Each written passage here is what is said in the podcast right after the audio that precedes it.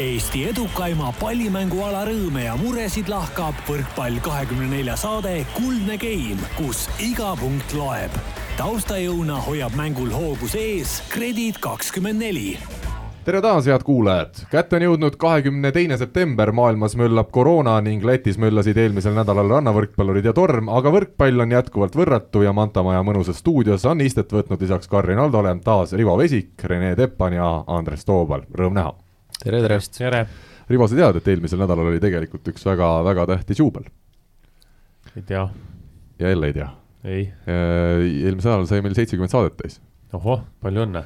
aitäh, aitäh sulle ja palju õnne ka sulle. aitäh. kolmkümmend on veel minna. ja siis saab läbi, siis on ei. limiit täis või? ei, siis on. no üheksakümmend, no üheksakümmend üheksa, et siin on siis ja, ja. kuldne game sada. ma üritasin Rivole vihjata, et tema osa saab siis võib-olla läbi, aga, aga ei, ei ole sul plaanis veel. Eks me vaatame siis, kelle osa millal läbi saab. ahah, no jaa, see selgub, kuidas ka muidugi esined, et äh, see eelmises saates me rääkisime sellest või üle-eelmises saates, millal see oli, sellest, et sa peaks ikkagi ühe lauluga iga nädal esinema, et eelmine nädal seda ei tulnud, ma saan aru, Lätis sa olid, aga kas sel nädalal on sul mõni selline hea eestimaine lugu juba pähe õpitud? ma jääks ikkagi selle juurde, et äh, mida vähem ma laulan, seda pikem mul see karjäär siin on no lepime, lepime sellega. Äh, kuna meil sai seitsekümmend saadet eelmisel nädalal täis, siis ma tegin väikese kokkuvõtte ja, ja saan nüüd teilt küsida, et mis te arvate, mis on olnud riikidest kõige suuremad siis kohad, kust meid kuulatakse? no Eesti on selgelt esimene, läbi ajaloo on meid kuulatud kakssada kaheksa tuhat korda Eestist, aga mis on järgmised kohad, alustame, Rivo, mis sina arvad, mis võiks olla teine koht? Äh, teine koht äh, on ilmselt on, see võiks olla Soome. Soome on teine koht, sinu sõbrad on paljud Soomes. Kiiskinen kuulab mitu korda saadet mitu korda päevas ühte saadet ja terve nädala. Äh, jah, Soome on teisel kohal üheteist tuhande kuulajaga, aga nüüd kolmas koht, kas Rene, sina palju näinud mehena oskad pakkuda, kust võib meie saadet kuulata? siis veel palju inimesi, kuus tuhat korda läbi, läbi aegade on kuulatud. see on üks suur riik suur riik. kus Andres, võib-olla sul tuleb? suur riik, jah. jaa, no ikka, kust meid kuulatakse, suurriikidest eelkõige. ida pool või läänes? Äh, no oleneb, kust vaadata, aga Eesti poolt vaadates pigem läänes. no siis äh, Prantsusmaa Prantsusmaa on alles kaheksandal kohal, aga mhm. kolmas koht on Ameerika Ühendriigid. Oleks, kuue... mina olekski pakkunud seda, jah. ja, ja see on kusjuures kolm ongi välja tulnud, Eesti, Soome ja USA ja neljas koht Austraalia jääb juba USA-le kõvasti alla, seal on tuhat nelisada kuulajat on olnud meil läbi aegade, aga, aga USA kuidagi üllatavalt palju. ja, ja linnadest, kui me vaatame, USA on meil Chicago linn.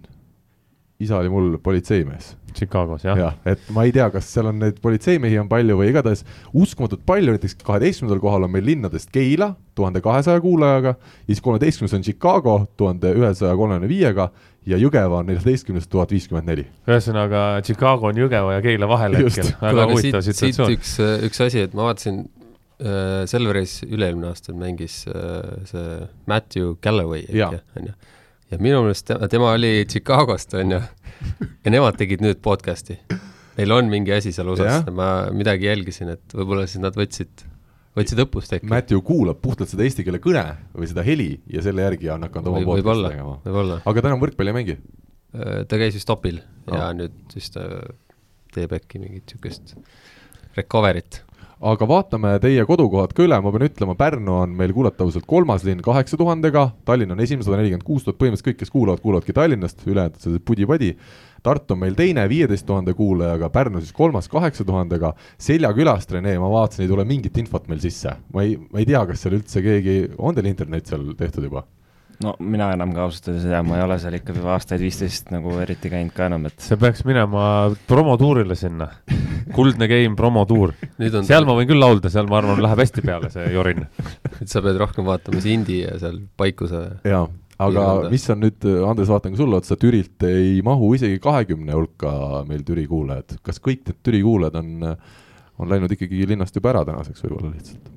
et kas linn on alles veel ei tea, ema, ema ikka kuulab, ma arvan. ema kuulab, no vot ühe kuulajaga tõesti meil ei mahu siia lihtsalt. Äh, kuule, me peaksime tegema järgmine aasta tegema suvetuuri siis nendesse nagu propageerima ja, populariseerima lihtsalt podcast'i, et minema. räägime kõva häälega linna keskmes. ei no lepime ikka ilusasti kokku ah. ja, ja teeme siukse happening'i, et äh, okay. räägime kohalikust võrkpallielust ja küsime küsimusi või aga, vastame. mina olen nõus, aga ma tean, Rivo, sa järgmine suvi oled kindlasti kuskil üle maailma laiali ja siis me teeme kolmekesi seda ja sina kuskilt eemalt ütled, et sorry, ma ei saanud tulla. noh, asi seegi aga üks asi veel, kahekümne viies koht, jälle üllatav, seal Eesti väikelinnade vahel on meil selline Ameerika Ühendriikide linn nagu Mountain View, viiesaja viiekümne ühe kuulajaga, mul on täiesti nagu müstika, et kas seal tõesti elavad mingid Eesti inimesed, keda on siis nii palju, et nad, või nad vajutavad nii palju selle, üks inimene vajutab nii palju selle ühe saate peale äkki või igatahes imelikud numbrid. ei tea, äkki eh, Mountain View kuulajad kirjutavad meile emaili, et ja, kus ja kes just, kirjutavad. kes on kaugemal, ikkagi väga kaugel meie Eestimaast ja kes tõesti regulaarselt kuulab saadet, palun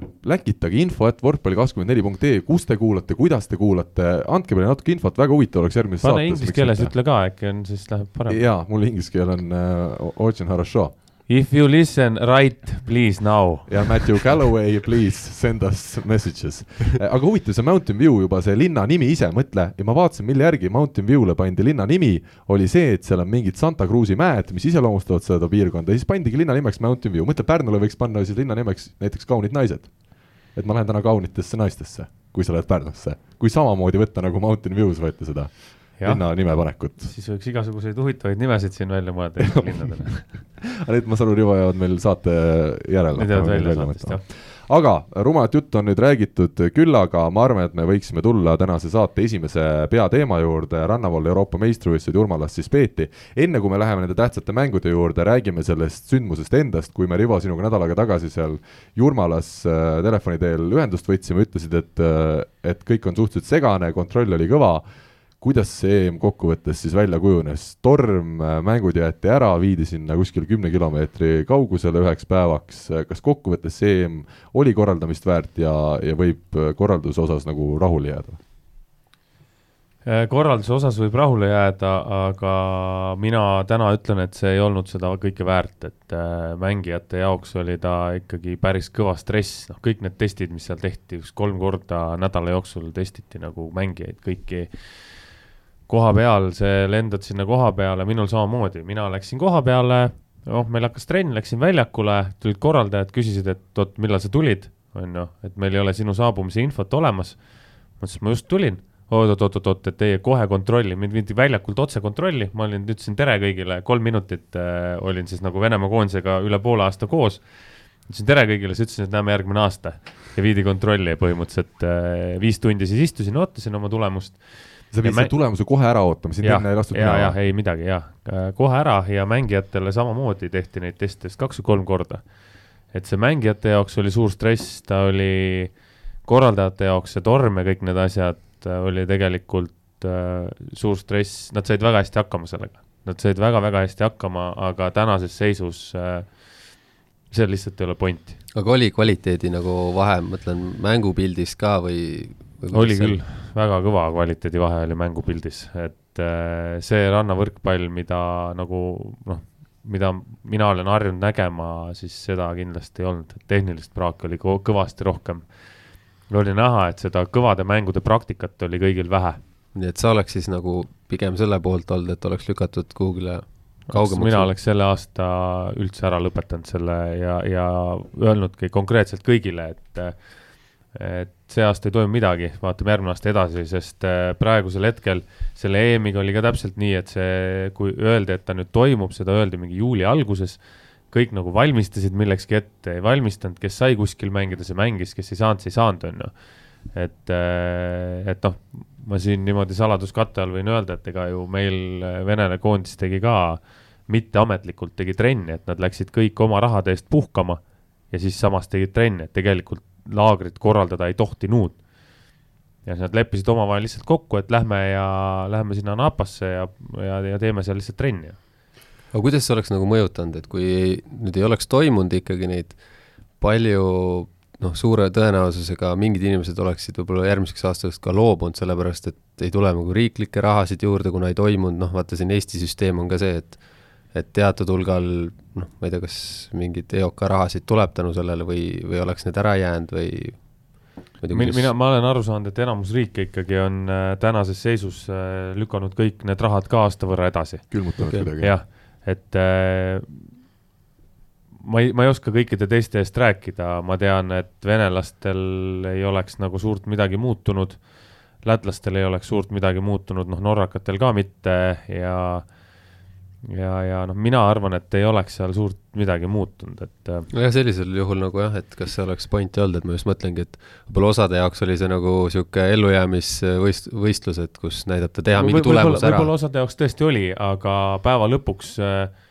jõudsid ikkagi sinna, kus võib-olla see kriitiline ellujäämispiir hakkab, jõudsid täpselt samad võistkonnad, kes mm kogu aeg on ju, et need, kelle jaoks tegelikult see ei ole nagu nii tähtis. ja ikkagi see ka, et neli võistkonda, neli võistkonda võeti maha puhtalt nende koroona pärast ja üks austerlane on siiamaani Riia hotellis. ma nägin või ma rääkisin äh, nende meie vene tüüpidega siis, kes, kes olid nädal aega hotellitoas nagu eraldi tubades nädal aega nad nägid, noh, nad olid nii heas vormis, et nad oleks medali võtnud sealt EM-ilt kindlasti. ja kui nad läksid siis selle lennuki peale tagasi venelastega koos, siis äh, teise treeneriga ma natuke suhtlesin, ta ütles, et need mehed olid nagu psühholoogiliselt täiesti löödud. Et neile, nende, nendele ei saa täna öeldagi mitte mingit, et kuule, et hakkame nüüd kahe nädala pärast trenni tegema, nad lihtsalt saadavad kuu peale su. et nad olid täiesti endast väljas.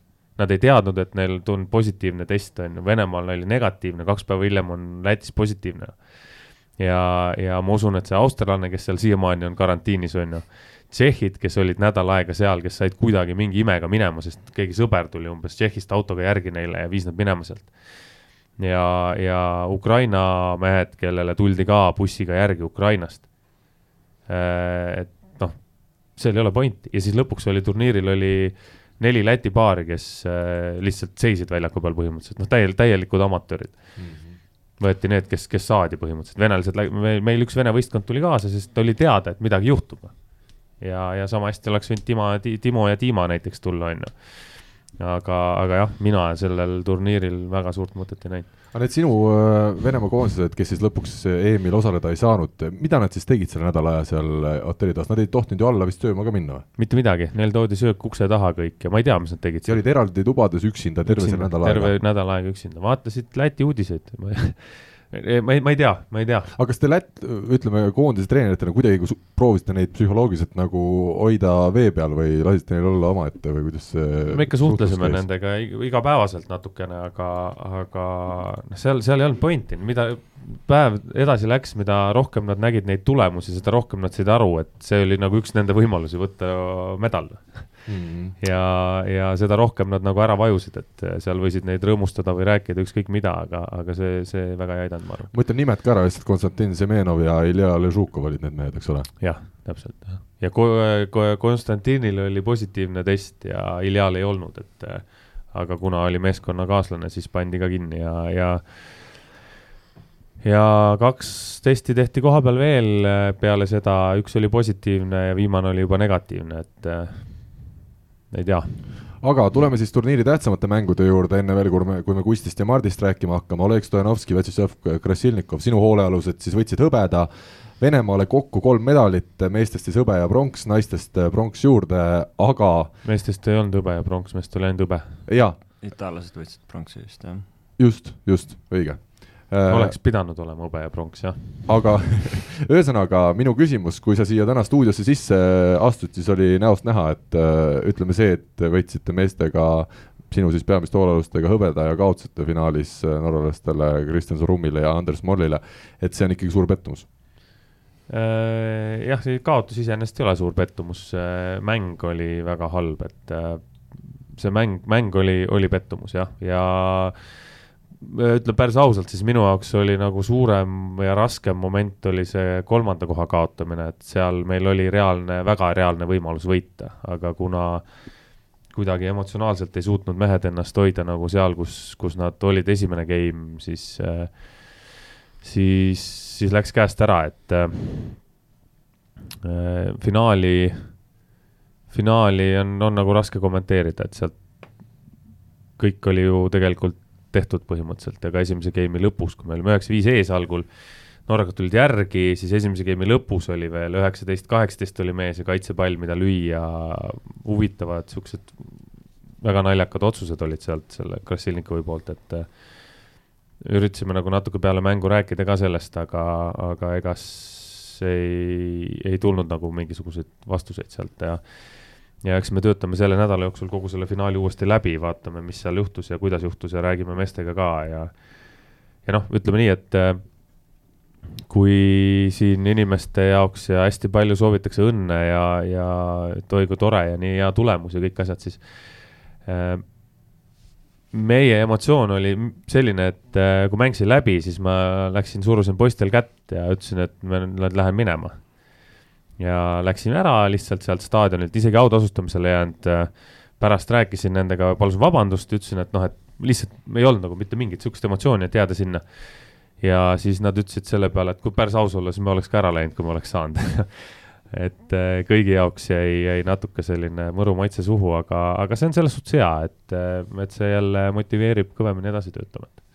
no räägi sellest Norra baarist, Molso ruumist, äh, vaatasime, mis nad tegid siis paar nädalat enne seda EM-i selles show-mängus seal Norramaal, kaotasid lätlastele väga kindlalt, paistis, et üks mees pole üldse eriti vormis ja, ja teinegi ei tundunud midagi erilist, aga siis tuleb jälle suur võistlus ja kolmas EM siis järjest, noored mehed võidavad kuldmedali kuidas see võimalik on? aga nad ei olnud väga heas vormis, nad ei olnud siin ka väga heas vormis, nad, ma arvan, et nemad mängisid oma mängust finaalis välja võib-olla seitsekümmend protsenti, meie viiskümmend.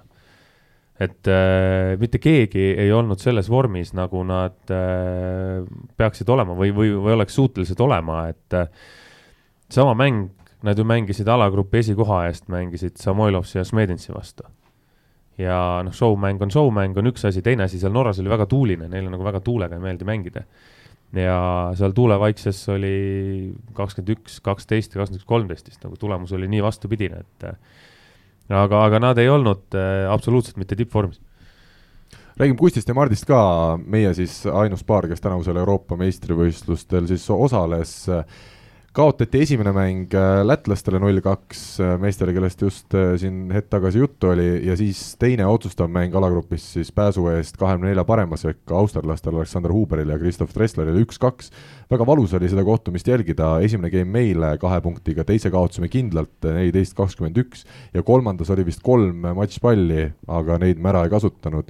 Ja lõpuks siis seitseteist, üheksateist kaotusega kolmandas skeemis sai turniir meie jaoks äh, läbi, olgu nii palju öeldud, et Huber ja Dressler ju tegelikult pääsesid edasi veel ka kuueteist hulka ja seal vist äh, kaotasid Stojanovskile ja Krassilnikovile, kui ma õigesti mäletan. jah, jah, nad, üks kõige suuremaid turniiri üllatusi oligi see, et nad suutsid Brouwer Musenit võita, kes on olümpiahõbe ja maailmameistrid ja ma ei tea, kas nad Euroopa on kunagi võitnud, vist on, et aga, aga jälle noh, Norra, hollandlased ei olnud kõige paremas vormis, Nikita Taras võitsid neid äh, ennem just äh, kaks-üks äh, Huber Seidel või Huber Dressler äh,. noh, sa tahad teada, mis Mardi ja Kustiga mängus juhtus või, või, või mis? ma tahaks pigem Mardi ja Kusti kohta, jah äh. taktik, taktika puudumatus oli selle asja nimi minu jaoks ja teine asi oli, et äh, otsustavate punktide mängimisel Mart ja Kusti olid pehmed. Nad jäidki pehmeks lihtsalt. mina, mina arvan, et äh, kaks null viis mees äh, hea tõstega ei peaks koksama matšpalle, et ta peaks ikkagi lööma, sama, täpselt sama asi oli Krasilnikovil finaalis, et et tema ei peaks nagu neid palle koksama, et sealt peaks võtma riski ja lööma, teine asi oli äh, mis mina vaatasin, oli taktika, oli minu jaoks väga huvitav ja, ja väga selline segane, et ei saanudki päris täpselt aru, kelle peale servida ja kust servida ja miks sinna servida ja, ja kuidas nagu kellegi vastu mängida, et hea küll, ma toon nüüd võib-olla väga ekstreemse näite, eks ju, siis meie taktika nende Huberi ja Dressleri vastu Olegil oli see, et me servime Huberi peale, kes on meeter seitsekümmend kaheksa pikk ja servime ta joone äärde, et ta peaks antenni juurest ründama ja that's it. Oleg on oma kaks null kaheksaga seal vastas, Krasilnikov katab diagonaali ära ja, ja noh, tahes-tahtmata ei suuda lüüa sada protsenti palle maha. ta ei suuda ka kuuskümmend protsenti palle maha lüüa. ja meil tekivad võimalused ja nii oligi. et äh, esimene game läks, tuli üsna lihtsalt, teises game'is oli, nad hakkasid kõvemini servima, siis oli natuke raskusi, aga see taktika nagu töötas sada protsenti et Mardi Kusti mängus oli näha seda, et hästi palju oli situatsioone, kus üks serv serviti piiri äärde, siis serviti keskele, siis serviti teise mehe peale keskele, teise mehe jälle piiri äärde, siis kuskile, et, et seda enda jaoks nagu vastase liigutamist, mis tegelikult enda kaitse ja ploki rütmi lööb ka sassi, oli minu jaoks liiga palju. et nende, selliste võistkondade vastu äh, üldiselt töötab ikkagi sihuke konkreetne ja, ja stabiilne taktika Kusti ütles, et ta emotsionaalselt ka ei olnud äh, seal, kus ta peaks olema nende mängude ajal, see oli nagu mulle tundus sealt intervjuudest kõige rohkem paistis läbi, et äh, esimese mängu järel ta veel paar sõna rääkis, aga, aga pärast teist mängu ta seal Võrkpalliliidule enam seda intervjuud anda ei tahtnudki, et tundub, et mehed ka iseenda, iseendiga võitlesid seal. aga ma, ma, ma, minu, ma ei ole nendega suhelnud, et minu küsimus oleks pigem see, et mis, mis see emotsionaalne tase peab olema või, või kus sa seda emotsionaalset taset nagu äh, leida või otsida tahad, et äh, et selle esimese, esimese mänguga ma olen nõus, esimese mängu nad mängisid väga hästi, kusjuures. Äh, teises mängus seal ei oleks midagi emotsionaalselt isegi vaja olnud. võib-olla üks asi, mida võiks olla rohkem äh, Kustil ja Mardil, on sellist nagu killer instinkti või, et äh, tähele pannud, et nad hästi mängivad hästi siukest positiivset võrkpalli, et käivad ja naeratavad kogu aeg väljakul, aga mingi hetk peab keegi saama kellegi peale kuskil kurjaks ka, et muidu seda emotsiooni ei tulegi kui sa käid ja naeratad. tegelikult Kusti seal sai ikka päris palju pahaseks, teises mängus vist rohkem küll, aga aga jah, ma olen nõus, et nende mängustiil või olemus ei ole selline, et meeletult keegi väga pahane oleks. jah, oli, et Kusti nagu peal oli võib-olla pahane võib-olla on halb sõna, aga, aga sellist nagu, nagu endaga üles kütmist ja põlemist võiks olla nagu natuke rohkem, aga see, see on jälle nii individuaalne, et see osadel inimestel on, osadel ei ole. me kaotasime täpselt sama, me, meie üks põhjus, et kolmanda kaot-, kolmanda mängu ja neljanda koha mängu kaotamise finaali kaotasime täpselt sama. et tüübid ei suutnud nagu ennast üles tõmmata selle, selle mängu jaoks mm.. kust see tuli, miks see tuli, ei tea räägime naisteturniirist ka, äh, kuld siis äh, Šveitsi paaril Johanna Heidrich ja Anouk Verge-Depre või kuidas iganes see hääldus võiks olla, kes siis said kaks-üks jagu Saksamaa paarist Kim Berends ja, ja Kilja Tillmann kas nüüd sina jõudsid naisteturniiri ka vaadata ja ütleme, kas see, et sa oled Venemaa koondise juures ja neid mehi seal treenid, tähendab, et sa ka ütleme, pronksi naisi, kes siis venelased olid, tead paremini ja, ja tunned paremini või? Eh, natuke jõudsime jälgida jah, aga, aga mitte eriti ja, ja eks me neid eh, Venemaa naismängijaid teame ikka, et me oleme enamus ajast oleme koos laagris, aga naiste turniiril üllatus pigem oli see, et tšehhid jäid neljandaks ja, ja, ja teine Šveitsi paar langes välja veerandfinaalis, et, eh, et tegelikult need kaks Šveitsi paari ja loomulikult Ludvig ja siis, mis ta Kozuh. nüüd, jah, need, nemad kaotasid, oli ka. aga nad kaotasidki ju hilisematele võitjatele veerandfinaalis. ja, ja selle, selle mänguga oli ka seal äh, huvitav situatsioon, kuidas Ludvig tahtis saada medical time-out'i kolmandas game'is ja kohtunik lihtsalt ei andnud talle. ja ei andnudki, ütlesid, et ei saa ja kõik, et sul ei ole midagi viga ja siis nad võtsid maha ennast kolmandas game'is, sest Ludwigil oligi mingi seljaprobleem. aga miks ei antud siis ei seda? tea, keegi ei tea, mitte keegi ei põhjendanud. Ludwig oli, ei, ma ei tea, mis nad tegid, et Ludwig oli täiesti endast väljas ja, ja nuttis ja ja käis ja sõimas seal kõiki peale mängu, noh, üldse ütleme nii, et kohtunike tase oli ka üsna niru sellel turniiril no,. Uku-Rummit ei võetud millegipärast seekord, sealt ta langema hakkas. aga vaadates seal, mis vigu kohtunikud tegid, siis noh päris sihuke, oli tunda, et ka neil oli nagu mängupraktikat vähe, et aga me räägime, et venelastel ei läinud turniir nii hästi, nagu te lootsite, me räägime, et Kusti ja Mart ei saanud äh, alagrupist edasi, aga korraldajad, lätlased äh,, ükski paar ei pääsenud veerandfinaali. et naistest jäid Ukraudina ja Kravtšenoka kaheksandikfinaali pidama, meestest Plavin Stots ja Samoilov Šmedins täpselt samamoodi kaheksandikfinaalis langesid välja, et kindlasti lätlased korraldajatena ootasid äh, oluliselt enamat jah, ma rääkisin lätlastega ka ja ootasidki oluliselt enamat. minu jaoks on seal üsna lihtsad põhjused, et, et Graudina vahetas treenerit nüüd siin suve alguses ja nende mäng, see treener, kellega nüüd on, nad tahab, tahab mängida natuke teist mängu, nad ei oska veel seda mängida. see on üsna lihtne põhjus, samamoodi Samoilovsiga, et kõik see trikitamine ja asi, nende jaoks on see praegu veel äh, liiga raske, sest Janis Medins on üsna äh, isepäine mängija ja, ja ta lihtsalt ei taha võtta omaks seda stiili praegu, et ma rääkisin nende selle uue treeneriga Marko Sulustriga päris pikalt peale turniiri. ja, ja Plavis Toks oli kõige suurem üllatus minu jaoks, et nendel nagu nii läks, et aga nad vist kaotasid seal Nikolaile Lupole vist äkki on ju, et äh, äh, see oli minu jaoks kõige suurem üllatus lühike küsimus sulle lõppu selle esimese teema juures. mis nüüd ootab ees äh, venelasi hoolealuseid, äh, arvestades seda, et hooaeg on olnud ju täiesti teistsugune kui muidu, see oli esimene ja, ja ainus selline tõsisem turniir tänavusel hooajal. kas nüüd ootab mehi ees puhkus nagu tavaliselt pärast hooaja lõppu või läheb kohe siit trenni, trennidega edasi? Äh, puhkus jah, novembri alguseni on, on meestel puhkus ja siis läheb trennidega edasi, et võtsime Venemaa koondisega kokku ka selle hooaja ja tegelikult oli hooaeg väga positiivne, et üks võistkond mängis sellel hooajal kuus mängu ja võitis nendest neli. teine võistkond mängis sellel hooajal üksteist mängu ja võitis nendest kaheksa, nii et äh, väga positiivne hooaeg. selge, aga meie läheme siit järgmise teema juurde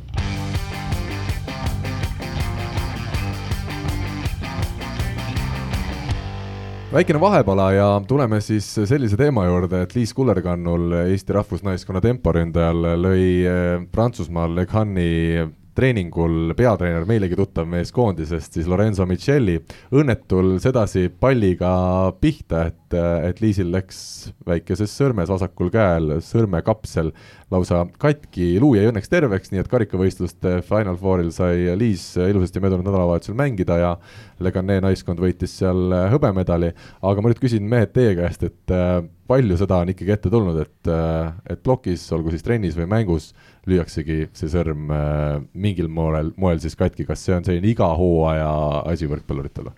Rene, alustame sinust äkki või?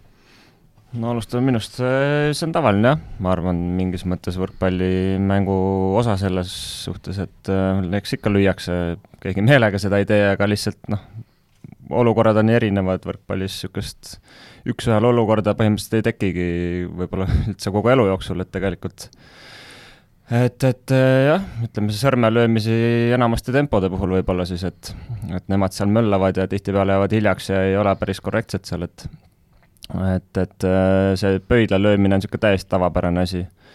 aga, aga noh, ütleme, mis seal ikka, teip, teip peale ja läheb elu edasi, et eks ta on niisugune ebamugav teema, enamasti midagi katki seal sees nagu ei lööda, aga, aga lihtsalt äh, ütleme jah, teip on seal ümber ja, ja eks ta tihtipeale on ka näiteks löögikäsi, et siis, siis noh, keegi sellepärast äh, nüüd äh, ütleme, trenne vahele jätma ei hakka, et on, äh, võib kesta kuni kaks kuud võib-olla, et ta saab seal ikka jälle pihta ja, ja samamoodi löögi, löögimomendil sa ise põrutad teda ja noh, pigem niisugune jah, ebamugav teema. Andres, sidemängijal?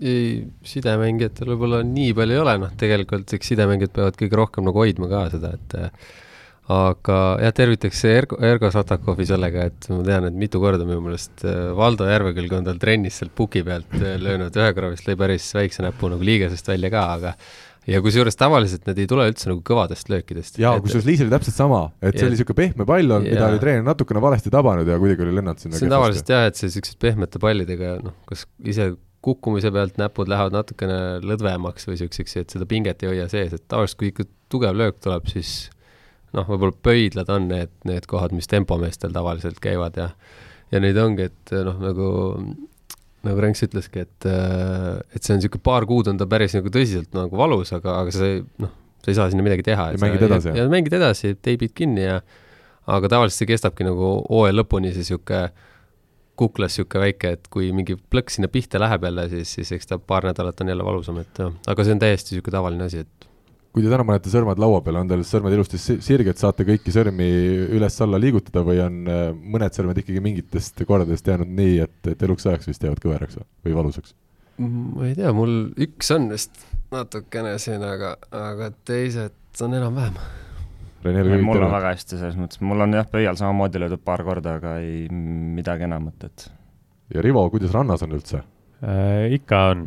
ikka on? jah minul on eh, löödud ikka ka puruks, mängu ajal on näpuluu puruks löödud. Eh, ja üks huvitavamaid näpumurdmisi, mis mina oma elus olen näinud, oli Audentese esimese tempo ründaja, noor uljas mees Konstantin Tšernilovski, kes suutis trenni soojenduse ajal rünnakuga murda ära oma näpuluu kas ta oli pallist mööda? ei, ta läks ründama esimest tempopalli ja lõi kuidagi niimoodi, et noh, ma siin praegu saan teile näidata, tal üks näpp jäi sedasi Kõveraks kuidas keskmine näpp., kõveraks jäi keskmine näpp niimoodi, et jäi nagu siis peopesa poole jäi see keskmine näpp kõveraks, ta suutis lüüa vastu palli niimoodi, et tal läks näpulugu hetki soojendusel. aga minul eelmine aasta, mäletad, Karl, kui me saadet tegime, oli näpp Oli. oli. lahases. Mhm. pallipõrge liiva pealt hakkasin püüdma palli, pall põrkas vastu näpu otsa ja mis iganes äh, painutaja liiges siin on äh, näpu otsas, läks puruks ja oligi lõdva. mitu trenni sa treenerina seetõttu vahele pidid jätma, et sul oli? ühtegi,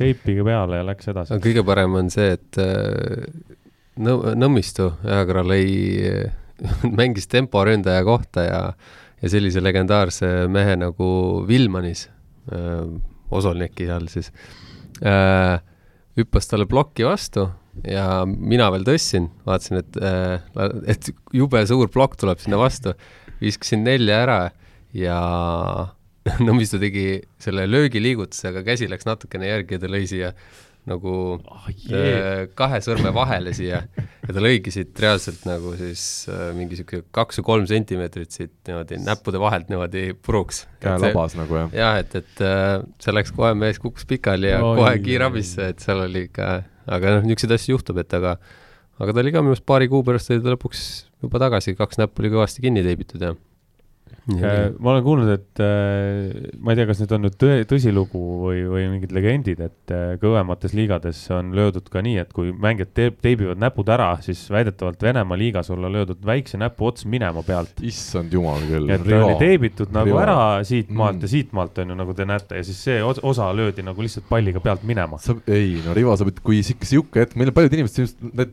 sihuke õhtusöömaaeg pere keskel panevad kõlarid ilusti, väike muusika ja ja, ja siis praegu sa paned sellisel, no sa pead hoiatama ette meie kuulajaid, et see ei ole nüüd see, et Uvaga, Uvaga. Jeesus, aga, ja aga sa arvad, see on tõsi või? selles suhtes ta võib olla küll jah, et need laksud on ikkagi nii tugevad ja, ja kui sul ongi üks, üks osa nagu kinni teibitud ja teine ei ole nii kõvasti, siis, siis ta võib juhtuda küll jah. aga neid, et on seal näpuvahesid katki, need on, jutte on ennegi olnud, et Mhm. samas äh, Tallinnas oli rannavoole turniir Havenis. Leedukal Karel Kais esimeses mängus lõi näpuliigesest välja, tõmbasin tal näpuliigesesse tagasi ja panin teibi peale, mängis lõpuni turniiri, tuli kolmandaks äkki lõpuks. sellepärast sind kiideti, et hea turniir oli korralduse osas, et sa ikkagi hoidsid mehed nagu vormis. aga doktor Vesik oli kohal. ma annan nüüd teile võimaluse minu kohta midagi halvasti öelda, sest mul ei ole, öeldakse, et kõigil võrkpalluritel on elus ikkagi mõned korrad Sa ei ole need võrkpallur. ahah, no tuli juba ära. siin see teema on lõpetatud. mul ei ole läinud kordagi see sõrm, et ei olegi võrkpallur, siit tulebki see vastus juba, jah. tead, Rene ütles väga õigesti ennem ja väga hästi, et tegelikult äh, ma arvan, et need kordused, millal sina plokki hüppad, esiteks mm. -hmm. me võtame kõik kordused, millal sina hüppad plokki ja. ja kui me võtame nendest arvudest, sellest kümnest võtame maha, ütleme, ütleme seitse, kus tõstetakse teisele poole ja siis ja siis nendest seitsmest on ju kolm jääb järgi ja kui sa sealt kolmest saad kahele näpud vahele, siis oleks ikka väga halb protsent, kui sul ükskord löödaks näpud välja ja, ja see on, see on pool naljaga öelda, aga tegelikult on see tõsi, et sa ei saa nii palju neid kordusi, et nagu Liisil on ju löödi ka puki pealt, et kui sul on ikkagi sihuke kaitsemängu ja plokitrenn, siis sul tuleb sada laksu puki pealt. aga mina olen ise mõelnud nagu niipidi selle enda jaoks nagu positiivseks, et võib-olla ongi, et kõik tõsted lähevad alati teisele poole, vaadatakse seal, kus mind ei ole. et kui ütleme, mina olen kahe peal näiteks plokis, et siis tõste läheb vastastel ka sinna teisele poole, alati. jah, võimalik. jah, peaasi, et sa ise positiivne oled. aga te- mitte koroona positiivne. aga tegelikult on vist põhjus, miks need näpud lähevad tihti ka see, et sa paned näpud üle võrgu. Et kui sa jätad passiivselt, et siis läheb nagu vähem, kas see võib ka olla, et siis, kui sa paned üle võrgu, et siis lüüakse näpu otste siis kui sa pihta? üle võrgu ei pane, siis pole mõtet hüpata. ja aga tegelikult, kui nüüd äh, teiega, kes te olete pikalt mänginud, rääkida, siis äh, ma võin ära minna siis või? minu arust nagu, ära veel mine, minu arust nagu ot-, konkreetselt nagu näpu otsa nagu ei löödagi, on ju, et ikka lüüakse nagu siiapidi või siiapidi kuskile lähevad. otsa löödki tavaliselt siis, kui sa oled nagu, kas siis löök ei ole nii tugev, jah, et, et jah. see tuleb kuskil kokslöök, kus sa hakkad maanduma ja siis sellisel hetkel keerad neid näppe või, või oled, et see hetk, kui ikka tugev löök tuleb, siis siis noh, sul on siis nagu näpu otsa kui sellisesse, siis peab ikka keegi väga kõrgelt lööma ja mingi väga imeliku nurga alt, et või siis peavad olema käed nagu väga imeliku nurga all, väga see- valesti. aga minu küsimus veel, kui me vaatame mängu all, osadel mängijatel on kõik sõrmed peaaegu ära teibitud, kas see on nagu ennetav asi või see siis tähendab seda, et kõik näpud on äh, mingil hetkel saanud nii kõvasti pihta? Rene teibib paremat kätt hästi palju, on ju, teipisin küll jah, nüüd enam mitte. enam aga mis see põhjus oli?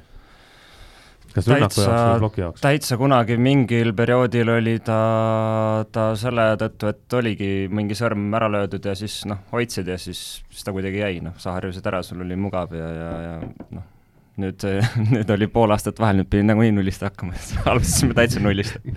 et aga tegelikult see, ma olen näinud ka vendi, kes, kui, kui teatakse ette, et sul on plokitrenn, siis tõmmataksegi kämblat teibiga kinni ja nii minnaksegi peale. nii et see võib olla ennetav ka ikkagi?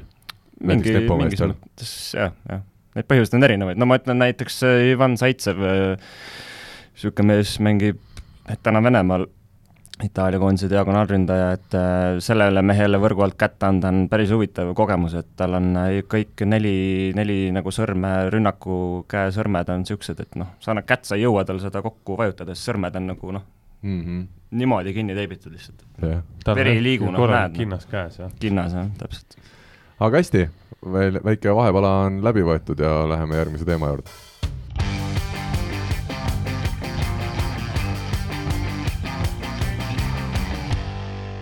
nii, Rivo, me hakkame kohe rääkima tegelikult äh, meie klubi hooajast, mis siis sel nädalavahetusel algab ja viimasest kontrollturniirist, mis Tartus toimus, aga, aga nii nagu ikka, jäävad parimad jutud tihti sinna, kus vahekõlliaeg on tavakuulaja jaoks. ütle, sinu kõige ekstreemsem vigastus tegelikult ei leidnud aset üldse mitte palliplatsil, vaid? jah, duširuumis äh, oli juhus, kus tulin trennist ära ja väsinud ja hakkasin duši alla minema ja püksi jalast ära võtma, unustasin teha püksinööri lahti, lükkasin pöidlad püksivärvli vahele ja pöidla tagurpidi niimoodi, et poolteist kuud olin põhimõtteliselt audis kas sul treener tol hetkel oli või sa ei pidanud kellelegi selgitama oma äh, oli küll, oli, oli, me, see oli Audentese võistkonnas, ma ei mäleta, kes meil treener oli.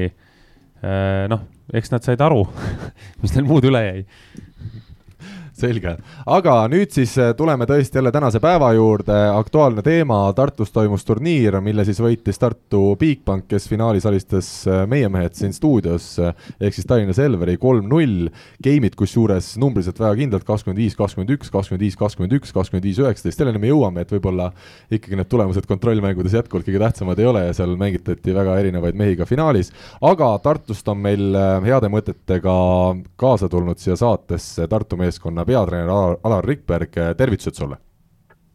tere ka teile! kuidas siis tunne Tartus on pärast sellist suurt turniirivõitu, kas, ma olen siin eelmine nädal küsisin, kui Selver võitis kodus turniiri, et kas tähistamine läks väga pikaks, kui pikalt teie tähistasite seda, seda esikohta? Esikohta me ei tähistanud, küll aga tuleb tunnistada, et meil juba enne turniiri oli väike mängijatega koos istumine planeeritud laupäeva õhtuks.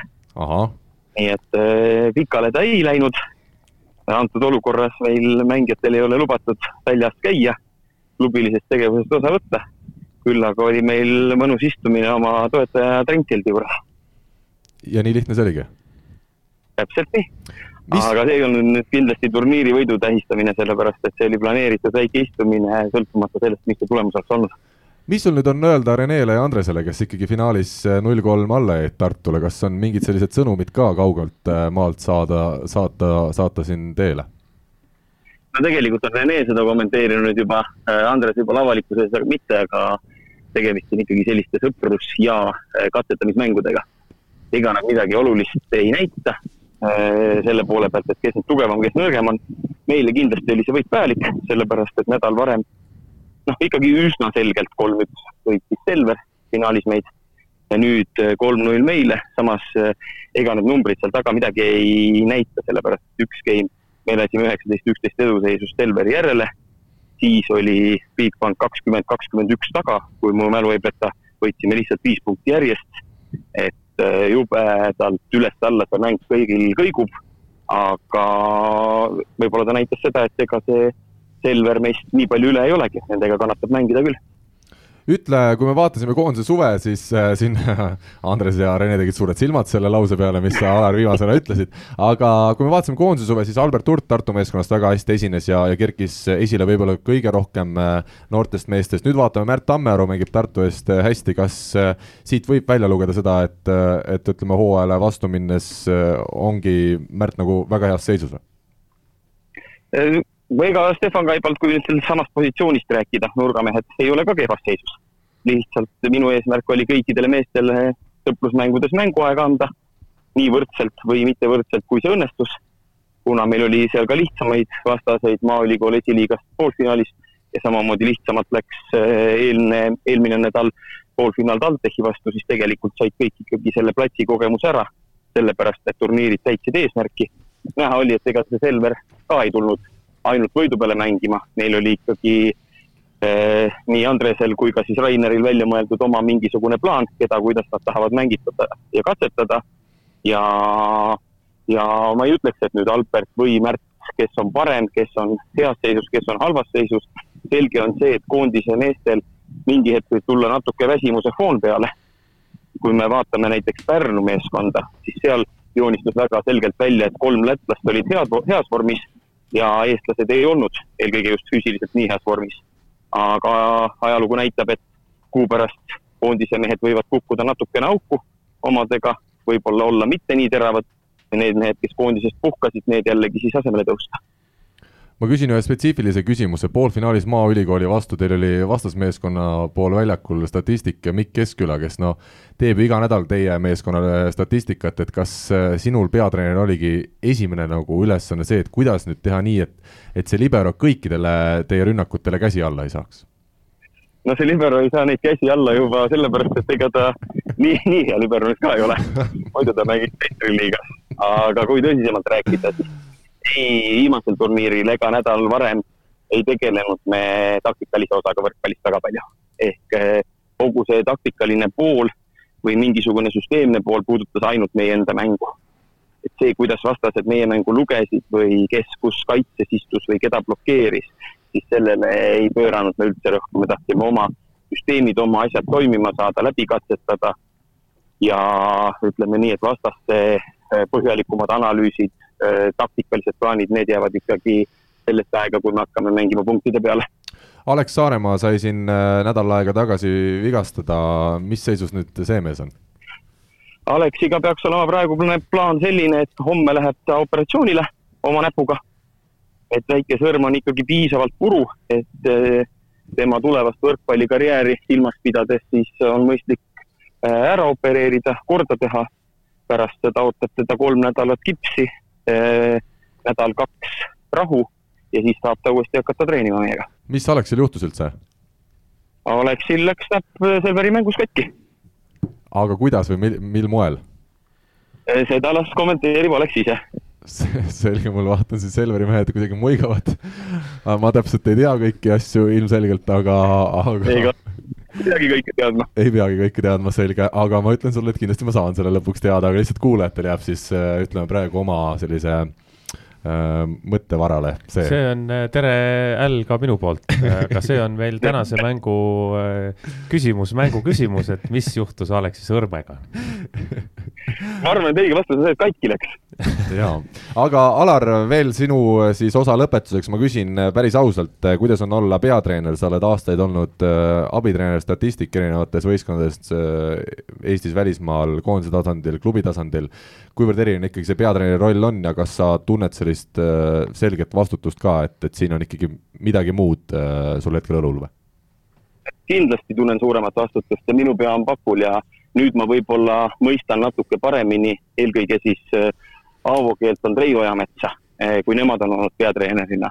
ja kui Andrei on mulle vahest öelnud, et näed, et mõtted on otsas, et mäng ei suju, ega pärast Selverile kaotatud mängu ma mõtlesin ka, et kuidas me nii kehvad saame olla. et trenn seda justkui ei näidanud aga pärast vaatasin mängu video pealt ära, üks pall põrkas natuke õnnelikult siia, teine sinna ja asi ei olnud üldse nii hull Kas.... et noh, eks ma harjun sellega, ikkagi algaja treener ja, ja loodame, et võistkond läheb järjest paremaks ja ka mina lähen järjest paremaks. kas Alari Jõesaar on sulle juba öelnud, et kui tänavusel aastal kolme tiitlit ei tule, et siis see jääb su ainsaks aastaks või kuidas teil seal omavahelised sellised suhted on Tartu klubis?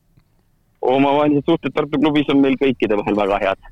aga kohustust pole peale pandud, teistpidi on täiesti selge, et Tartu mingisuguse tiitli järele iga aasta läheb, läheb ka sel aastal.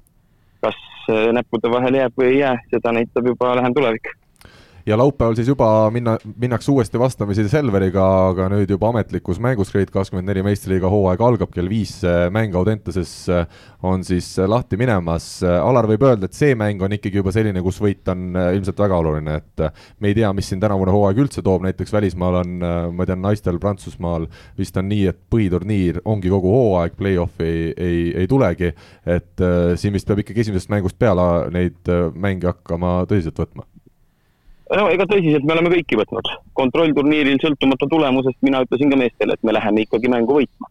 ükskõik, kuna me, kuna või kelle vastu me platsile läheme, kaotada me ei taha.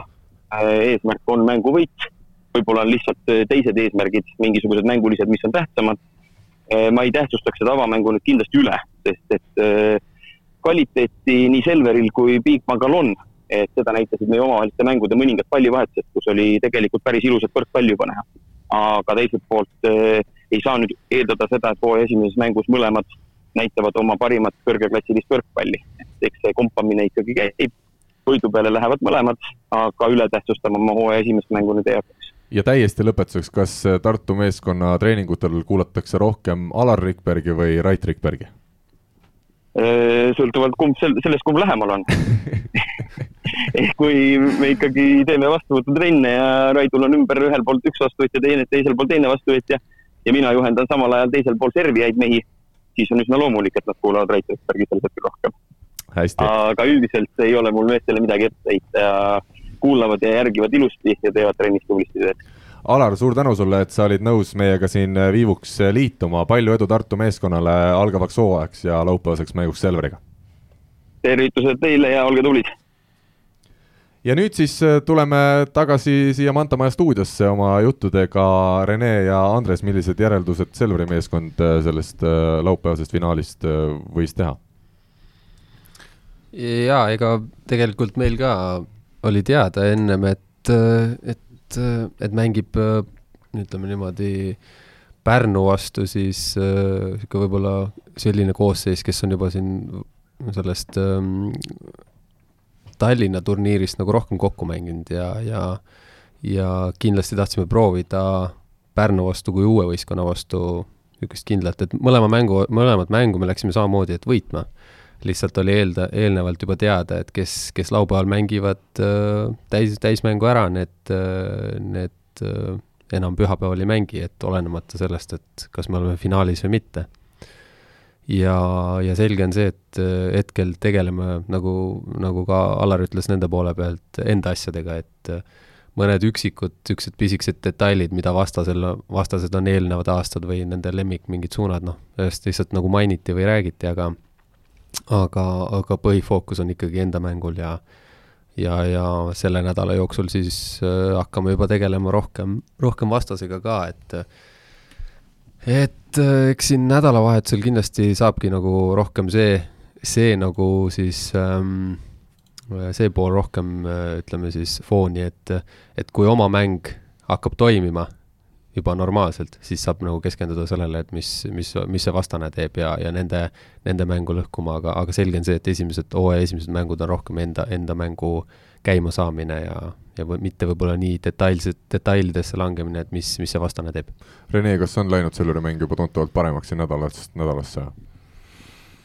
mingil määral ma arvan küll, jah, et äh, reedene poolfinaal Pärnu vastu oli päris tipp-topp, ma arvan, üldpildi järgi endiselt on kindlasti seda võib-olla mingis mõttes liiga lihtsalt pilvedesse tõusmist, et esimene game kõik sujus, teine game mõtlesime, et nii ongi ja, ja siis tõmmati kohe vesi peale, et et, et kolmas-neljas game jällegi meie kontrolli all ja siis, siis võit nagu tänu sellele Pärnu üle ja, ja kuidagi noh, ma ei tea, ma, ma vaevalt, seda ma ei usu, et püha, laupäevas finaali niimoodi mindi, et pilvedes, et et pigem seal oli seda, et, et eh, jah, pudru ja kapsad eh, meie poolt kindlasti, et et, et eh, oli ju, oli vaja ka soomlasest sidemängijal esiteks juba oma mänguminutid täis saada, et ta on ka natukene niisugune ebaõnnesõdur siin vahepeal olnud, oli ka ju tema nädal aega nii-öelda kodu, kodurežiimil haiguse tõttu, et äh, eks, eks jah, võib-olla mingisugune suhtumine mulle kõrvalt nagu ei sobinud, et võib-olla hakatigi liiga palju nagu sinnapoole vaatama, kui, kui nagu mäng ei sujunud, et aga, aga selge on see, et tänasel päeval meil ei ole võistkonnas ühtegi meest, kes võiks nagu hakata kellegi teise käest midagi ekstra nõudma, et pigem, pigem tuleks nagu peeglisse vaadata ja natukene see kuidagi lõhkus selle meie mängu nagu eriti alguses ära, et et sellist äh, mehelikkust võib-olla oli natukene puudu laupäeval, et niisugune poisilik nagu natukene, ma ei tea, kuidagi solvumine või mossitamine, et noh, see ongi selles mõttes see normaalne tänasel päeval meie võistkonnas olla, et ma ütlesin ka seda seda juba alguses, et sellest äh, poiste võistkonnast äh, loodetavasti kevadeks saab äh, noormeeste vähemalt võistkond, et, et seal ei ole ainult võrkpallialased asjad, seal on ka see, et inimesena nii mõnigi, ma usun, et saab küpsemaks ja tänu sellele tulevad ka asjad palliplatsil paremini välja kusjuures mul meenub siin Tallinna Tehnikaülikooli võistkond seda juttu kuulates eelmisest hooajast või eelnevatest hooaegadest, et seal kohati meeskond mängis ka hästi, aga siis keegi, kellelgi üks tõste natukene ebaõnnestus, seal läks ründajate ja kohe sidemängijal äh, nii-öelda eri laine peale ja see mäng oligi kadunud, et äh, see on vist väga oluline võrkpallis, et sa ei hakka tõesti solvuma kellegi peale. Ah, loomulikult jah, ega ma ütlesin ju ka kas eelmine saade, et, et see TTÜ mure on see, et seal ei, sellistel hetkedel ei ole seda vanemat äh, mängijat platsi peal, kes korrale kutsuks neid noori, et et, et äh, nii ongi, jah, see on, iseloomustab väga palju noorte meeste niisugust mängu, et noh, ise, iseennastki võin ju meenutada samamoodi oli, et, et kõik nagu sujus ja siis oli mingi üks moment, täiesti tühine moment mängu käiku arvestades, aga see lõi rütmist nii välja, et ei suutnudki enam tagasi tulla, et eks see tuleb, tuleb ajaga, tuleb kogemustega, et, et aga kui sul on ümber inimesed, mängijad, kes kes suudavad sulle mõista anda, kuidas sellistes olukordades käituda, siis sa lihtsalt äh, tuled sellega kiiremini toime sest ega kui, kui nüüd neid äh, ütleme, kahe turniiri neid finaale võrrelda, siis äh, kui Alar siin nagu ütles, et nemad mängisid justkui nagu väga halvasti, noh et, et siis vaatas üle, et ei olnudki nii väga halvasti see, ütleme, Tallinnas peetud finaal, et et äh, ma ise nagu ikkagi pigem selle poole, et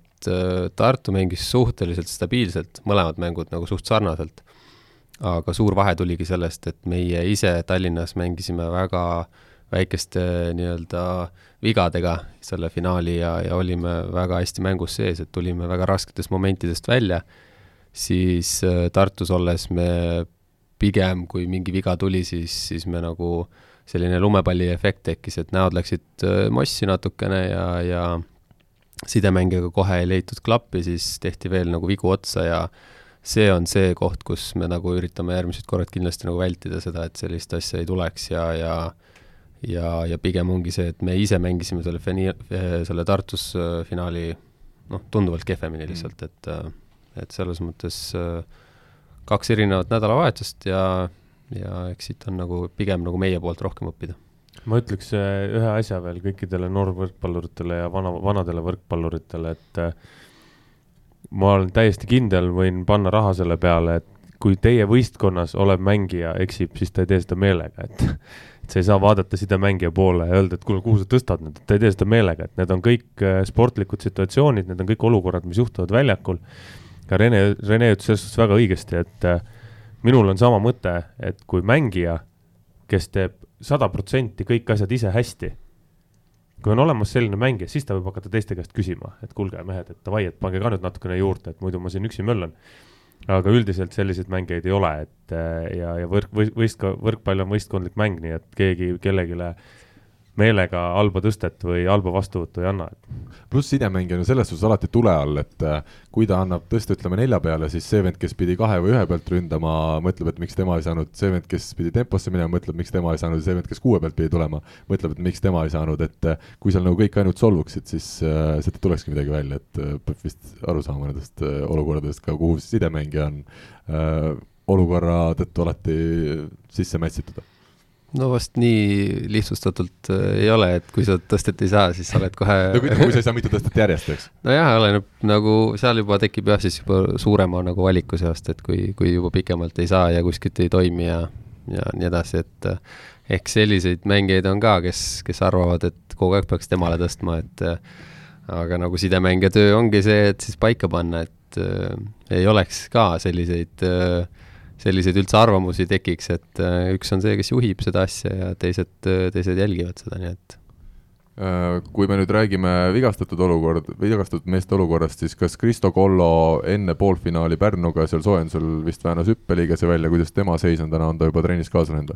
ei, ta tegi natukene jõusaalis liiga enda, enda Sääre-Marjale ah,. ja, ja ja ei midagi tõsist, et ta juba täna seal hommikuses trennis ka kergelt juba hüppas ja, ja, ja eile ka tegi juba, et et see oli niisugune jah, et lihtsalt tekkis niisugune krambieelne olukord ja, ja tasus äh, mitte rohkem edasi teha, sest äh, sealt oleks juba järgnenud kindlasti nagu mingi väiksem vigastus, et äh, aga selle vältimiseks võtsime kohe nagu tuurid maha, sest oli näha, et jalalihas oli kergelt ülekoormuses ja see on see, kui inimestel on lihased, vaata, mul lihast ei ole, mul ei ole vigastusi, mul on jumal tipp-topp teen jõusaalis ja mängin kui sa pükse jalast ära ei võta, jah? jah ainult sinnani, kui ma pükse ei hakka ära võtma, sinna kusjuures aga väga hästi. ma hakkasin vaatama, kus Olegil ja Vjatšeslavil seal finaalis hakkas viltu minema, oli juba Hanno Pevkurist pani ühe video üles sealt äh, soojendusest, kus sina lõid, ma ei tea, kummale sellise servi, et nad ei saanudki kätte seda, et sealt kadus see enesekindlus, enesekindlus ära ilmselt meestele, kui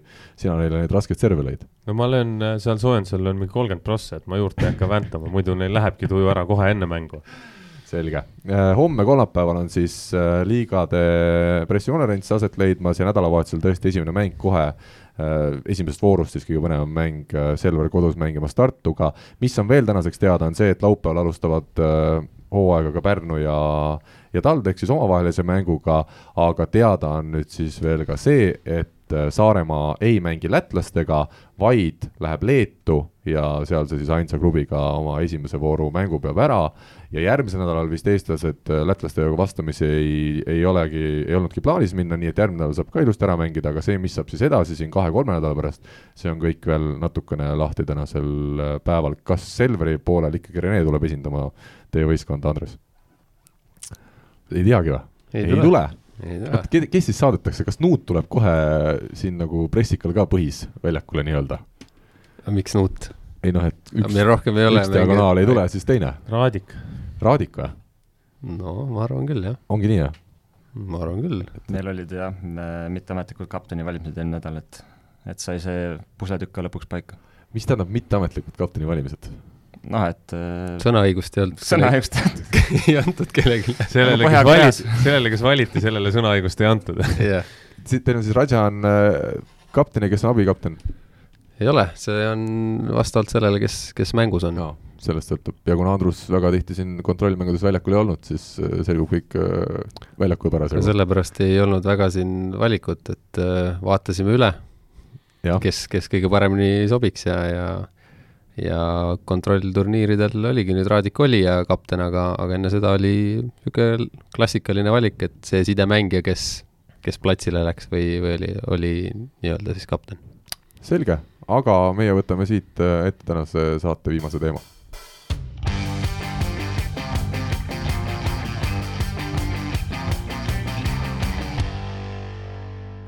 saate viimane osa, enne kui tuleme siin äh, nii-öelda planeeritud teemade juurde, Rivo, sul jäi midagi ikkagi südamele? minul ei jäänud, sul jäi ütlemata lihtsalt. Et äh, rääkisime siin eelmine, selle nädala mängudest, et äh, Selver mängib siis Bigbangaga kodus Audentese spordihallis kell viis, Postimehest ülekanne ja Pärnu mängib kell kolm kodus TalTechiga ja ka sellest on Postimehest ülekanne, nii et äh, vaadake kindlasti ja, ja kes saab, et minge saali, et äh, mõlemast mängust, ma kujutan ette, tuleb väga-väga põnev andmine. jah, arvestades seda, et äh, noh, nagu Avo ise ka ütles, et ei olnud päris rahul sellega, mis, mis näoga need mehed olid, kui ta, kui ta sealt Lätist tagasi tuli, et siis, siis mine tea, et kas nüüd on väga suurt imet saanud teha selle nädalakesega, aga aga jah, loodame, et tulevad, tulevad mõlemad põnevad lahingud ja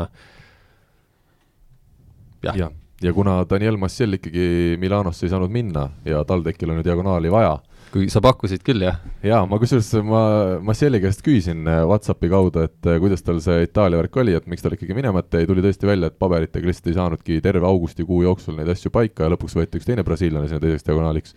ja siis ma ütlesin talle seda siin poolnaljaga, et aga meil sul vanas klubis TalTechis on, on üks hea diagonaal praegu puudu, aga ta vastas muidugi väga viisakalt sedasi, et äh, jaa, et TalTech on tore ja minule tähtis klubi, aga ega ma sealt otsest vastust ei saanud, kas nad ühenduses on olnud, aga see oleks küll äge, kui ikkagi üks kogenud Brasiilia mees sinna TTÜ-sse või TalTechi mängima tuleks.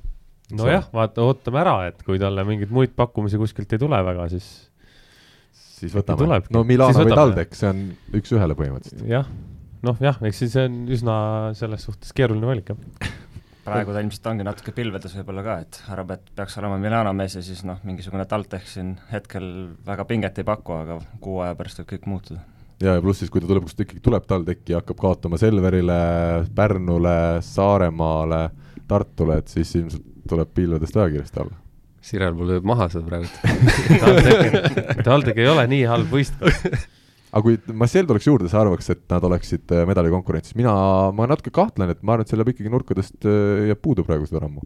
Äh, noh, medalikonkurents on teine asi, aga ma arvan, et, et ikkagi seesama, mis me siin rääkisime ka, et kui neil oleks üks enam-vähem korralik diagonaal siis nad kindlasti osutaks kõvemat vastupanu. no sellega ma olen nõus. me ei tea, vaata, ja kui neil tuleb mees juurde. mänginud mõnda, mõnda kontrollturniiri. mängisid reede Saaremaaga ja ma ütlen ausalt, ma laupäeval küsisin saarlastelt, et äh, kas statistikat saaks, et teeks uudise Märt Paljusalu, Saaremaa statistik ütles, et tal on nädalavahetus vaba ja et küsige mujalt ja küsisin Hannes Sepalt, ütles, et esmaspäeval võib-olla saaks siis äh, kätte, aga no ma ütlesin, et ma kolm päeva hiljem enam uudist ei hakka tegema kontrollmängust, et äh, natuke jäi nagu see asi lahtiseks. noh, see on ka väga huvitav suhtumine nagu Eesti võrkpalliklubide poolt, et kõik tahavad hirmsalt sponsoreid ja hirmsat kajastust ja siis, kui küsitakse sinu käest üsna lihtsat asja, kui raske on seda tegelikult saata, et palju see su päevast siis aega võtab, on ju, kasvõi Märt Pajusalu seal on küll kümme minutit, et, et ärge siis rääkige, et keegi ei kirjuta või keegi ei taha midagi teha, et kui te ise nagu vastu ei taha anda, siis, siis ei ole mõtet viriseda ka. ma just ütlen nii palju, et võib-olla minu viga on see, et ma oleks pidanud enne mängu ütlema, et mul see huvi on, et ma tahaks pärast mängustatistikat, võib-olla ma oleks pidanud reede õhtu reageerima, et äh, aga no võib-olla küll jah, aga, aga minu mõte on ikkagi see, et kui me tahame teha niinimetatud ühte asja, mida teeme meie siin, üritame suruda ja, ja klubid ka, et siis peaks ikkagi mingisugune koostöövõimalus ka olema, et sul on jumala õige, et mis neli päeva hiljem uudist, kolm päeva hiljem uudist, ei ole mõtet teha lihtsalt. Jah, et see, seda ju sellise paberi selle nii-öelda võiks ju juba siis ise panna Facebookit äh, üles, et kas või keegi korjab, korjab või siis saata välja pressiteade umbes, midagi sellist. aga siin on üks võimalus, võib-olla Saaremaa kaotas selle mängu null kolm ja Jan Solovjov no jah, uus diagonaal lõi platsi puhtaks lihtsalt. siis oleks TalTech teinud ise uudise Uku Rummi oleks õhtul kell kümme mulle helistanud võib-olla, et kuule, nüüd on lood nii, et et äh, pane arvuti tööle. mul on üks hea lugu sulle isegi pilt on olemas. väike anekdoot oleks kindlasti lõppu tulnud tervitame siin TalTechi meeskonda ja tõesti nali naljaks, loodame, et nad selle ühe diagonaali omale juurde leiavad ja et see mees oleks hea, sest tõesti väga tahaks, et see viies klubi ka ikkagi Eesti liigas oleks selline, kes saab vastu ja, ja saab hästi vastu teistele neljale, et meil ei ole mitte mingit vaenu TalTechi vastu. Äh, aga nüüd siis tänase saate viimase teema juurde, võtsin siin sellise natukene vaba teema, öelge päris ausalt, kui tähtis on ühe võrkpalluri jaoks see, et äh, läbisaamine antud klubi peatreeneriga on hea, kas ütleme, Rene, üks suurepärane mängija teeb äh, hea hooaja hoolimata sellest, kes on pukis, kui ta väljakule pääseb, äh, siis ta on tema ise ja mängib igal juhul hästi või sõltub see väga palju tre treenerist? tead, see on, see ei ole üldse nii lihtne, lihtne teema, kui pealtnäha tundub, et äh, eks mingil määral on oluline, et äh, see suhe mängija ja treeneri vahel kindlasti ei pea olema selline sõprussuhe nad ei pea olema väljaspool platsi väga nagu lähedased. aga selge on see, et nad peavad ikkagi koos ühtemoodi asju nägema ja ühte asja ajama selles suhtes, et et ega mängijad on ka ikkagi erinevad, mõni on juba võib-olla selline mängija, kes on läbi tule ja vee nii-öelda käinud ja teda nagu on raske mõjutada või noh, teda ütleme siis maakeeli öeldes ei kotigi nii väga, eks kes seal nagu pukis on, et aga, aga vastupidiselt mõne noore mängija puhul on see ülioluline, et äh, sealt veel mingit enesekindlust ammutada, mõnega on vaja lihtsalt suhelda, et äh, ütleme, hea treener tunnetab seal ära, et, et äh, hea treeneri omaduste hulka on minu arvates see kommunikatsiooni pool on ülioluline ja selline inimeste tundmine, et kuidas ühele või teisele nagu läheneda, et, et et jaa, ta, ta võib olla ülioluline, samas samas, samas ta ei pruugi, et noh, see sõltub väga-väga paljudest asjadest ikkagi.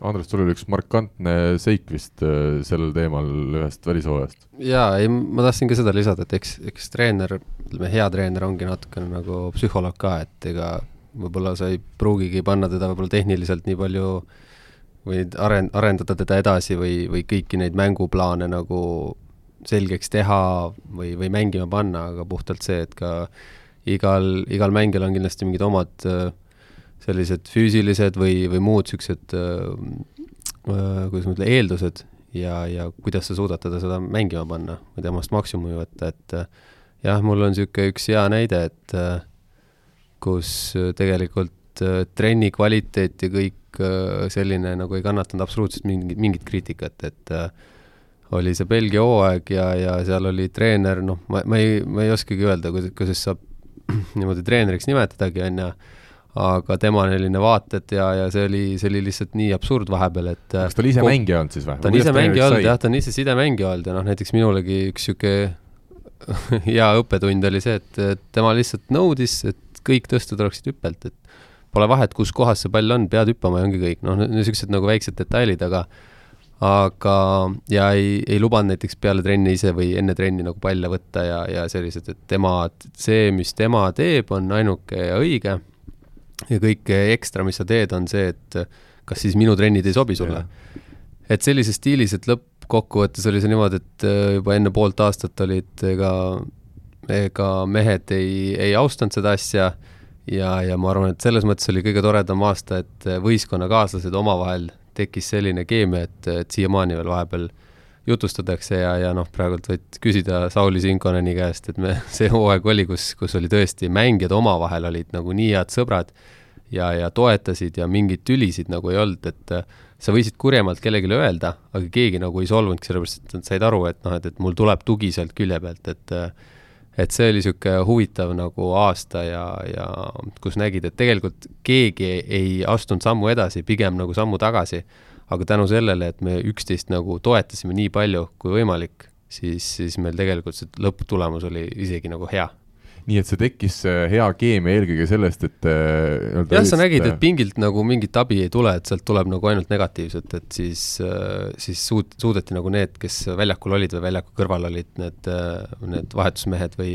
siis nende poolt said nagu mingit abi, et sa usaldasidki enda, enda tiimikaaslast, mitte enam treenerit. nii, aga Rivo, sina oled nüüd tänaseks meil mitmed aastad olnud Venemaa koondises treener, inimlikul tasandil on selge see, et kõigi meestega, kõigi mängijatega ei saagi treeneril selline, selline väga isiklik läbisaamine olla perfektne, inimesed on erinevad, kõik ei klapi omavahel, kuidas, kuidas sinul on see olukord olnud, kas on ka selliseid äärmuslikke näiteid tekkinud, kus sinul ja ütleme siis Venemaa koondise peatreeneril mingi mängijaga ei tekigi sellist läbisaamist ja te saadate ta minema või peate kardinaalselt mingeid muudatusi tegema? selliseid ei ole olnud, et minema kedagi ei saadeta, igal mängijal on ju oma väärtus ja, ja millegipärast on nad sinna koondisse võetud, et ega me päris mingeid suvalisi kuskilt ei võta ka, et, et äh, me ei peagi läbi saama, osade mängijatega on nii, et osad mängijad tulevad trenni ja teevad trenni ära, kuulavad, täidavad oma ülesandeid, me üritame neid aidata nii palju kui võimalik, nemad võtavad vastu nii palju, kui nad võtavad, et ega keegi sundida ei saa lõpuks, on ju, et sa nüüd kui sa nüüd seda asja ära ei õpi, on ju, või te tegema ei hakka, siis, siis noh, rannavõrkpallis on see, et see lõppkokkuvõttes on see sinu tulemus, mis kannatab, meie proovime aidata võistkonda ja mängijat. osadega on nii, et osad teevad nagu lihtsalt tööd, osadega saame paremini läbi, osadega ma tennist mängimas või mingit asja vabadel päevadel on ju, et see täiesti nii on, aga, aga minu nagu päeva lõpus minu arvamus on see, et äh, treener peaks töötama võistkonna heaks, mitte vastupidi et äh, võistkond teeb äh, tulemuse, mis on treenerile kasulik ja treener peaks töötama nagu võistkonna heaks ja tänu sellele võiks ka treener noh, mitte nüüd üritada kõigiga läbi saada, aga vähemalt mõista seda, et miks need osad mehed nagu on sellised teistmoodi. ja mitte hakata peale suruma mingisuguseid äh, ulmeliselt oma asju, sest me ei saa võtta kõike ühtemoodi, noh, me näeme väga hästi, meil on kaheksa mängijat, on ju ja kui me Olegile saime panna nagu ühe servi vastuvõtu tehnika, siis me teisele mängule lihtsalt ei saa sedasama panna, sest ta lihtsalt ei suuda teha seda. temaga, temale peab lähenema teistmoodi natukene. Oleg on selline, kellega sa saad rääkida, on ju, et noh, et mida sa seal tunned, kuidas sul see käte liikumine keha liikumine on, ta saab aru, teise mängija ei saa, sest ta ei saa aru tegelikult ise, mida ta teeb ja siis sa peadki leidma selle nagu niisuguse vahe ja, ja üritama neid suunata, et meie töötame, mina töötan võistkonna heaks, mina töötan võistkonna jaoks. aga palju sul selliseid emotsionaalseid äh, jutuajamisi on mängijatega, et keegi ütlebki sulle, et näed, et äh, ei, see, mis me teeme, on vale või et ei, mul ei tulegi see välja ja, ja sina pead siis kuidagi suutma seal vahel kõike organiseerida nii, et äh, jääks, jääks rahu, mitte ei tuleks no me oleme suutnud kokku leppida mingite asjadega, mida mina näen nagu kõrvalt, mis, mida võiks teha, mida võiks proovida, mis võib-olla mängija jaoks on algul ebamugavad, on ju. siis me oleme suutnud nendega kokku leppida selle, et me mingi aja proovime, sest me saame alati tagasi minna vana juurde ja vaadata sealt mingit uut asja või siis vahepeal tuleb välja mingi teine situatsioon kus me saame aru, et tegelikult noh, ütleme sama servi vastu, et, tema jaoks on see mugavam ja tal tuleb see paremini välja. et me oleme suutnud siiamaani kokku leppida selle, et me proovime mingi aja. sest üks asi, mis, mis minu, minu jaoks kui treeneri jaoks on, on üks ajuvabamaid ja üks rumalamaid väljendeid üldse profisportlase poolt, on see, et ma ei oska või ma ei saa seda teha, mitte, mitte ma ei saa, vaid ma ei oska, mul ei tule välja ja eriti seda siis, kui sa oled kolm korda proovinud, on ju, ja siis ütled, aga mul ei tule välja, ma ei oska seda. no see, kui sa võrkpalli hakkasid, kui sa oled mänginud kümme aastat võrkpalli, sa ei saa öelda, ma ei oska alt söötu. no kuidas, see ei ole võimalik, on ju. ja siis, äh, siis me nagu üritamegi, et aga, et siis, kui ta ei oska, et siis õpime ära. ja, ja siis me üritame kokku leppida mingi aja, siis vaatame selle aja jooksul, kui tõesti nagu paremaks ei lähe, kui sa ise ei tunne, et paremaks läheb, siis teeme, vaatame mingisuguse muu variandi nüüd äh, Rene, tuleme selle juurde, mida Rivo siin mainis, et treener ikkagi peaks töötama võistkonna heaks, mitte vastupidi. sina oled mänginud väga suurtes klubides, toome jälle need suured klubid ka nimepidi ette, Trentino, Belhatov, Maaseik, seal on, ma eeldan, väga kõrge egoga nii treenerid kui ka väga paljud mängijad. kas seal tuleb sellist ikkagi omavahelist äh, võimuvõitlust ette, ütleme, igakuiselt, iganädalaselt? tuli ette, jah tuli, jätame nüüd Maaseki välja, ta ikka ei ole päris Belhatov või Trentino, et äh, seal olid asjad natukene teistmoodi, demokraatlikumad kindlasti, et äh, Trentinos oli küll jah, ma ise läksin sama teadmisega, et Angelo Lorenzetti, kes on endiselt seal peatreener, on, äh, on üks maailma nagu parimaid ja ootused, lootused olid väga suured, et et teatud mõttes ma tunnistan ausalt, ma pettusin, et just see nii-öelda inimlik pool, ma ei saanud nagu lõpuni aru, et mida ta nagu täpselt nagu mõtleb, et ta oli, ta oli selline mees, kellele meeldis jubedalt filosofeerida, me istusime, tegime tunniajaseid äh, jutuajamisi väga tihti, rääkisime laevadest, rongidest a la läbi lillede kuidagi ta üritas jõuda oma nagu pointini. kogu võistkonnaga või ainult sinuga? ei, kogu võistkonnaga, et niisuguseid äh, jutuajamisi oli hästi palju aga siis, kui, kui, kui tal nagu ei olnud aega, kui oli näiteks mängusituatsioon ja oli vaja mingisuguseid kiireid otsuseid teha vastavalt olukorrale, siis ta oli väga tihtipeale hädas, et äh, kas mingid vahetused, mingisugused taktikalised mingid asjad, mida on vaja korrigeerida jooksu pealt, noh, need asjad nagu olid kuidagi natukene, jäid vajaka, ütleme siis nii, ja ja, ja samamoodi ka trenni osas jäid mingid küsimused õhku näiteks, et äh, kui oli kaks pool tundi trenni, siis kaks pool tundi tehti täis, et jube palju oli sellist kella vaatamist, et mitte seda, et äh, kuidas see trenni kvaliteet parasjagu on või, või kuidas on meeste füüsilised, et äh, noh, meeletu arv inimesi, mis käis igapäevaselt füsiolaua pealt läbi, sest lihtsalt kõigil olid probleemid, et et jah, okei okay,, tippude tipus tehakse tööd väga-väga palju, aga noh, päeva lõpuks ju tegelikult võiks eesmärk olla see, et me, mees on nagu terve ja valmis endast sada protsenti andma, et et äh, see oli, see oli nagu siis, siis see pool jah, ja, ja Belhatovis oli ka teistmoodi, et seal ju sellel aastal oli parasjagu mm, mille Poola teatavasti siis võitis.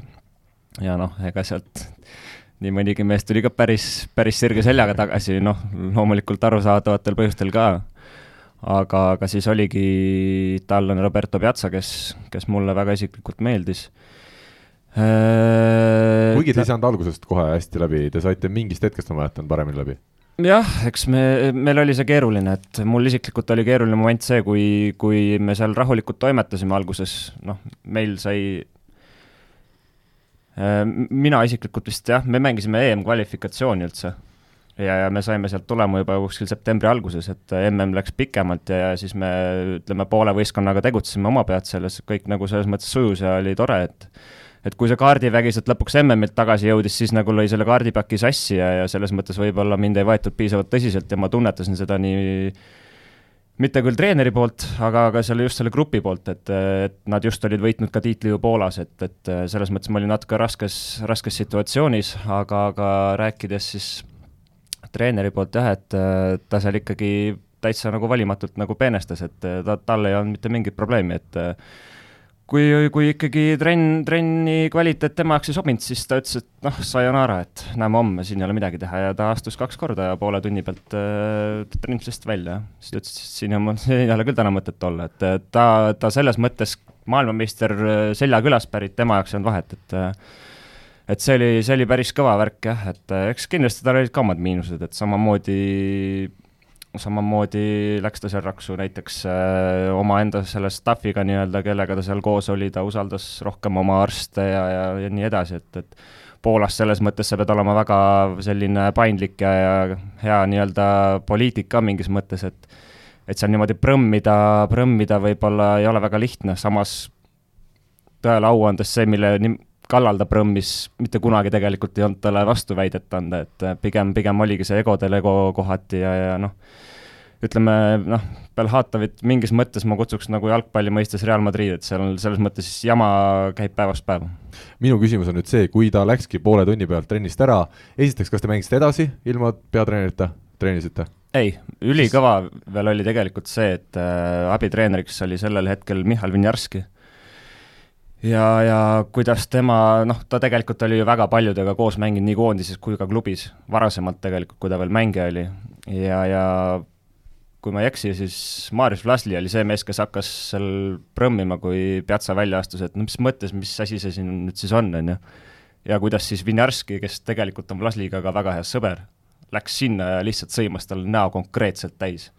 et sõber või mitte, aga kuidas ta nagu ikkagi seisis enda nii-öelda selle treeneri eest. treeneri taga jah, et see oli päris kõva jah. nii, aga järgmine päev, kas seda oli näha treeningul siis, et mehed olid teistmoodi ja, ja see, ütleme, see, see Piazza siis käik selline, see mõjus hästi ja, ja sellel oli oma tulemus?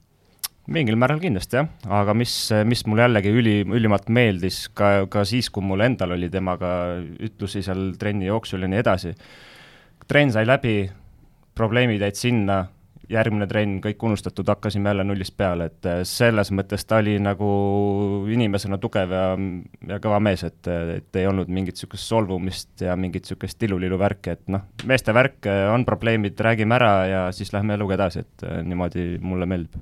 nii et temaga sul jäi igal juhul hea selline kogemus kokkuvõttes siis ja, ja ei välista, et kui kunagi tekiks võimalus, siis mängiks Piazza käe all uuesti või? oi, igatahes, igatahes, kahju lihtsalt jah, et see hooaja lõpp selline oli, nagu ta oli, et ma usun, et ma oleks võinud päris päris ilusaid asju veel korda saata seal. ma tuletan meelde, te mängisite, sina olid siis, kui Vlasli oli vigastatud, äh, meistrite liiga veerandfinaalis äh, ja, ja saite edasi poolfinaali, eks ole?